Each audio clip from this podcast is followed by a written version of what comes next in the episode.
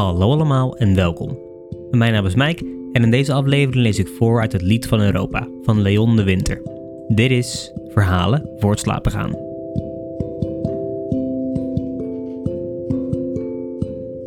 Ik moet eerlijk zeggen dat ik een stuk of acht boeken van Leon de Winter in mijn boekenkast heb staan, maar dat dit het allereerste is dat ik van hem heb gelezen. Dat laat echter wel zien dat hij een hoop heeft geschreven, waarmee hij al begon toen hij studeerde aan de Filmacademie in Amsterdam. Zijn debuutroman heet De Verwording van de Jongere Durer en verscheen in 1978 op 24-jarige leeftijd. Enkele andere van zijn bekendste romans zijn Kaplan, Supertex, Gods Schim, Het Recht op Terugkeer en Geronimo. Vijf van zijn romans werden ook nog eens verfilmd. Eind 2022 verscheen zijn nieuwste roman, Het Lied van Europa. Het is een enigszins dystopische toekomstroman die een periode van 2018 tot en met 2047 beschrijft. Er zijn een hoop personages, maar in beginsel gaat het over Nico Levy. In 2025 verliest hij zijn zoon door zinloos geweld, waarbij een paar gesigneerde schoenen van Kobe Bryant die hij bij zich droeg verdwenen. De rest van zijn leven zint hij op wraak. Nico houdt een blog bij, en wanneer een juwelier wordt overvallen, volgt hij ook dit incident en alles wat erbij komt kijken op zijn blog. Het ontvouwt zich in een groter verhaal, in rellen en bloederige opstanden. Uiteindelijk wordt Nico door de overheid vervolgd voor het verspreiden van desinformatie en haatpraat. Het lied van Europa laat de nabije toekomst zien, waarin het lijkt alsof alles en iedereen gecontroleerd en gezien wordt. Uit deze roman ga ik in deze aflevering een stukje voorlezen. Het stuk dat ik ga voorlezen zit aan het begin van de roman en gaat over een Syrische sluipschutter en zijn vriend, Daoud en Jibril. In het oorlogsgebied staat een dierentuin met een aap, die voor hen symbool staat voor iets groters en dus ten koste van alles beschermd moet worden. Dit is Het Lied van Europa van Leon de Winter.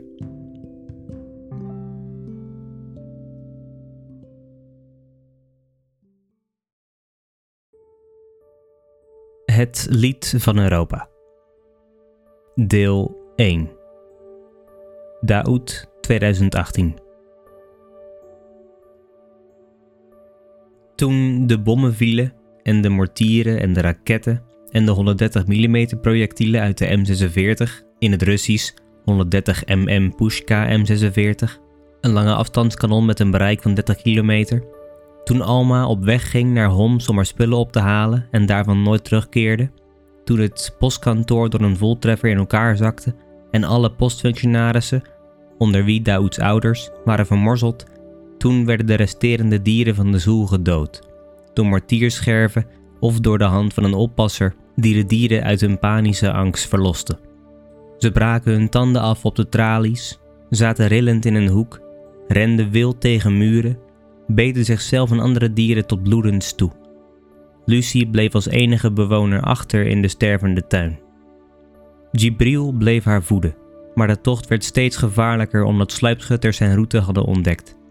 De dierentuin lag op een knooppunt van allerlei sectoren die van de lichte en zware salafisten en jihadisten, en van de seculiere en zwak seculiere, en van de milities van de tirannen van Irak en Iran en Hezbollah en Turkije en Rusland en de westerse machten, de nieuwe dierentuin van roofdieren. Als ze niets deden en Jibril niet meer de weg naar het park kon volgen omdat hij continu onder schot lag, zou Lucie van honger sterven. Er moest overeenstemming gevonden worden over een vrijgeleide voor Jibril die een paar keer de dans was ontsprongen toen kogels langs zijn hoofd floten en ergens achter hem gaten in muren sloegen of via een zingende tralie aan een onberekenbare weg begonnen. Als wij het niet doen, wie dan wel? had Jibril gevraagd. Wat stel je je voor? had Daoud geantwoord. Als Lucie doodgaat? Jibril slikte de rest van de zin in. Ze is een symbool, toch? Ze is de enige die de vroegere zoe in leven houdt.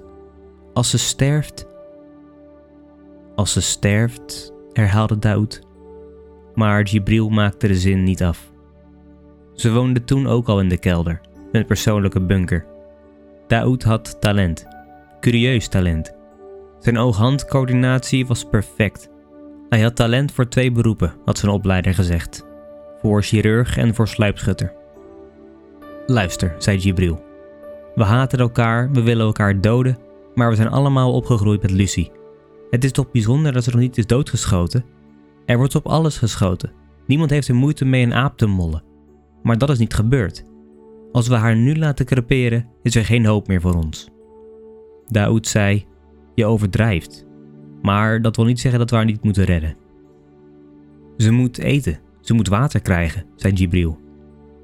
Lucie's leven stond op het spel. En voor zover ze wisten was Jibril de enige die haar van voedsel voorzag. De commandanten van de sectoren, alle in een of andere mate vijanden van elkaar, moesten zijn vrijgeleide garanderen. Daoud kon de gematigden bereiken, maar de jihadisten en de regeringsgezinden? Daoud kende een christelijke Syrische arts van Médecins Sans Frontières, MSF, de groep die in de stad noodhulp verleende met eerste hulpposten, mobiele operatiekamers en gezondheidscentra. MSF werd door alle partijen gerespecteerd en ontzien. Maurice was hier ook opgegroeid en had als kind Lucie vaak bezocht. Is ze als symbool zo waardevol? had Maurice gevraagd. Daoud had geantwoord: Toen we kinderen waren, stonden we schouder aan schouder bij haar hok, toch? We wisten nog niet dat we elkaar haten. Dat kwam pas later. Maar bij Lucie waren we allemaal gelijk en gelijkwaardig. Ze heeft ons allemaal zien opgroeien, tot de monsters die we nu zijn. Laten we haar in leven houden en haar laten zien dat we kunnen ontmonsteren. Drie weken later vond er in de overlegkamer van de meest centraal gelegen hulppost van MSF een bijeenkomst plaats. Behalve Daoud en Jibril en hun gezamenlijke militiecommandant Bashir schoven rondom de lange metalen tafel zes politieleiders plus bodyguards van andere sectoren aan. Ze zaten op nieuwe draaistoelen met een zachte, kunstleren bekleding. Sommige mannen waren elkaars aardsvijanden, maar ze hadden een korte wapenstilstand aanvaard om de hulppost te bereiken en verder naar de eigen sector terug te keren, waarna ze elkaar weer mochten vernietigen. Daoud en Jibril lieten afbeeldingen van Lucie zien. De chimp moest de oorlog overleven, zo pleitten ze. Lucie was als babyaap gekomen en had nu een hoge leeftijd bereikt. Ze dronken thee, aten koekjes uit de MSF-voorraad, er was nauwelijks discussie. Jibril legde een weekschema voor met de dagen en uren waarop hij Lucie wilde bezoeken. De commandanten knikten en gingen akkoord. De bebaarde jihadisten stemden alleen toe als het bezoek aan Lucie beperkt werd tot één persoon, met een witte vlag of in het wit gekleed, geen andere bezoekers. Daoud was toch nog in slaap gevallen, een uur. De geur van een brandende sigaret had hem doen ontwaken. De kelder had geen ramen, maar hij had geen daglicht nodig om te weten dat het buiten nog donker was. Hij knipte de zaklantaarn aan. Jibril zat rechtop, armen op zijn knieën, sigaret tussen de vingers. Hij maakte een armbeweging om zijn ogen te beschermen. Doe dat ding uit, zei hij. Daoud knipte de lamp weer uit. De deur stond open en licht van de nachtlamp in de keldergang tekende de cirkelende rook en Jibrils contouren. We moeten haar weghalen, mompelde Jibril. Beurtelings hadden ze de eerste weken Lucie gevoed, maar al snel deed Jibril dat alleen en hield Daoud toezicht. Lucie was steeds zwakker geworden en het was een wonder dat ze nog leefde. Naar schatting woog ze slechts 22 kilo. Daoud had een observatieplek gevonden op het dak van een gebouw dat een hotel was geweest en tegenwoordig een naakt geraamte vormde. Alles van waarde was gestolen. De tapijten, lambriseringen, meubels, aardewerk. Geen ruit had de strijd doorstaan. Het dak was geëxplodeerd en van achter een muur achter de top van de gevel kon Daoud door zijn smid en benderkijker Jibril volgen als hij 2200 meter verder in de zoel met twee rugzakken, eentje op zijn borst en eentje op zijn rug, zijn weg naar Lucie vond. Jibril droeg een wit shirt als hij in de dierentuin was. Als Jibril op weg ging, had Daoud de meest optimale observatiepositie in een sector ingenomen. De andere sectoren boden ook goede posities met uitzicht op het trapezium dat de dierentuin vormde. Een open, parkachtig terrein van grofweg 200 bij 300 meter. Twee sectoren van verschillende jihadistische groepen boden betere observatieposities dan de zijne. In de andere gebouwen rondom het dierenpark had hij in de voorbije maanden regelmatig beweging waargenomen. Een reflectie die een honderdste seconde duurde, of een vage beweging van iemand die zich onbespied waande. Elke sluipschutter kende de optimale schutterposities van zijn eigen sector, en die van de andere sectoren lieten zich eenvoudig vinden. Dus was iedereen op zoek naar een positie die minder voor de hand lag. Maar ze deden dat allemaal en dus viel er uiteindelijk geen patroon te ontwaren in het sluipgedrag van zijn collega-schutters ofschoon ze allemaal hun eigen karakter hadden. Er waren schutters die voortdurend onderweg waren. Daoud bleef liggen. Hij had niet meer nodig dan een gat in een muur met een doorsnee van 8 tot 10 centimeter. Hij koos een doelwit tussen gebouwen die essentieel waren voor de linies in een bepaalde sector en daar vond hij na uren wachten zijn slachtoffers, als een lang verwacht incident in een computergame. Als de kogel het slachtoffer raakte, het liefst tussen de ogen, trad door het fatale trauma in de hersenen direct de dood in, als de straf van een vrede god, wiens bestaan door Daoud werd ontkend. Alles wat in Syrië plaatsvond, was het groteske bewijs dat God niet bestond, of, als hij bestaan had, dood was, zoals een westerse filosoof een keer had geschreven. Hij was de naam van de filosoof vergeten, en van de rust en de mogelijkheden om een middagje te googelen en te surfen had hij al jaren niet meer genoten. Wat hij deed was begrenzen. Hij hoopte nergens op, kon zich niet voorstellen dat deze strijd zou staken.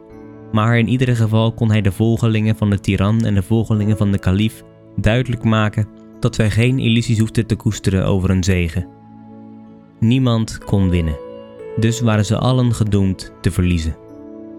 Rondom het park hadden ze zich aan de afspraak gehouden. Drie keer per week ging Jibril om 7 uur ochtends in de zoo Lucy voeden, zonder dat er op hem werd gevuurd. Hij volgde de afgesproken route, bleef een half uur bij Lucy en keerde langs dezelfde route terug.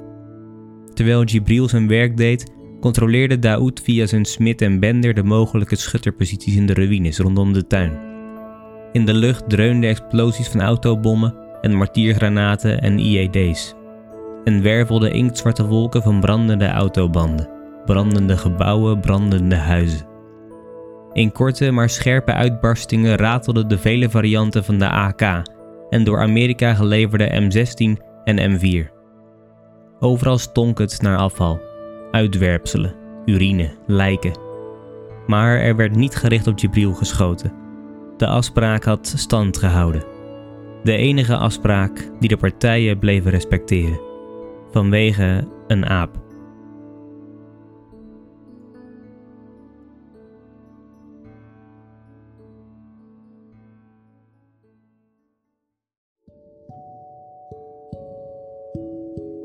Dit was een kort stukje uit het Lied van Europa. We hebben kort kennis gemaakt met Daoud en Jibril.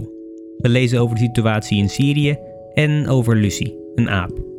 Alle vechtende partijen kennen deze aap blijkbaar of hebben een band met haar. Dat is de reden waarom Lucy nog niet is doodgeschoten. In dit stuk lezen we hoe die aap als het ware de menselijkheid in de vechtende monsters naar boven brengt. Later in de roman komt Daoud terug. Het is dan een paar jaar verder en hij werkt in Nederland in een park voor vluchtelingen. Hij ontmoet daar de personages, waaronder Nico Levy, om wie het echte verhaal draait. Het hele verhaal gaat namelijk over deze Nico en ene meneer Haksloot, de juwelier die wordt overvallen en waar Nico over schrijft. Er zijn nog een hoop andere personages die allemaal op een eigen manier betrokken zijn bij de zaak en rommelen met hun eigen problemen. Op de achtergrond beginnen zich op een grote toneel de opstanden plaats te vinden. Als een soort klein windvlaagje van de slag van een vlinder creëren de dood van Max en de overval bij de juwelier een wervelstorm door heel Europa. Ik vind het zelf knap gedaan en hoewel je door de vele personages wel je gedachten erbij moet houden, vind ik het een interessante roman. Die vragen stelt over de controle die de overheid zou mogen hebben en over wat je wel of niet zou mogen zeggen of schrijven. Ik wil uitgeverij Hollands Diep dan ook heel erg bedanken dat ik een stukje uit mag voorlezen. Mocht je benieuwd zijn geworden, dan raad ik je aan naar je dichtstbijzijnde boekhandel te chasen. Voor ik afsluit nog één dingetje. Het luisteren van de podcast is gratis, maar het maken is dat niet. Natuurlijk vind ik het hartstikke leuk om te doen. Maar mocht je de podcast willen steunen, dan kun je via platform Kofi al vanaf 1 euro per maand bijdragen aan de inhoud en de kwaliteit. Daarnaast heb je de mogelijkheid om je te abonneren op exclusieve extra's, zoals bonusafleveringen met extra verhalen en achtergrond, toegang tot giveaways, audioboeken en nog veel meer. Je vindt de link naar Kofi in de beschrijving. Ik wil jullie hartstikke bedanken voor het luisteren naar deze podcast. Voor achter de schermen, updates, vragen of opmerkingen kun je me vinden op social media onder de naam Verhalen wordt slapen gaan. En dan zie, slash hoor ik jullie volgende keer. Voor nu, goede nacht, slaap zacht.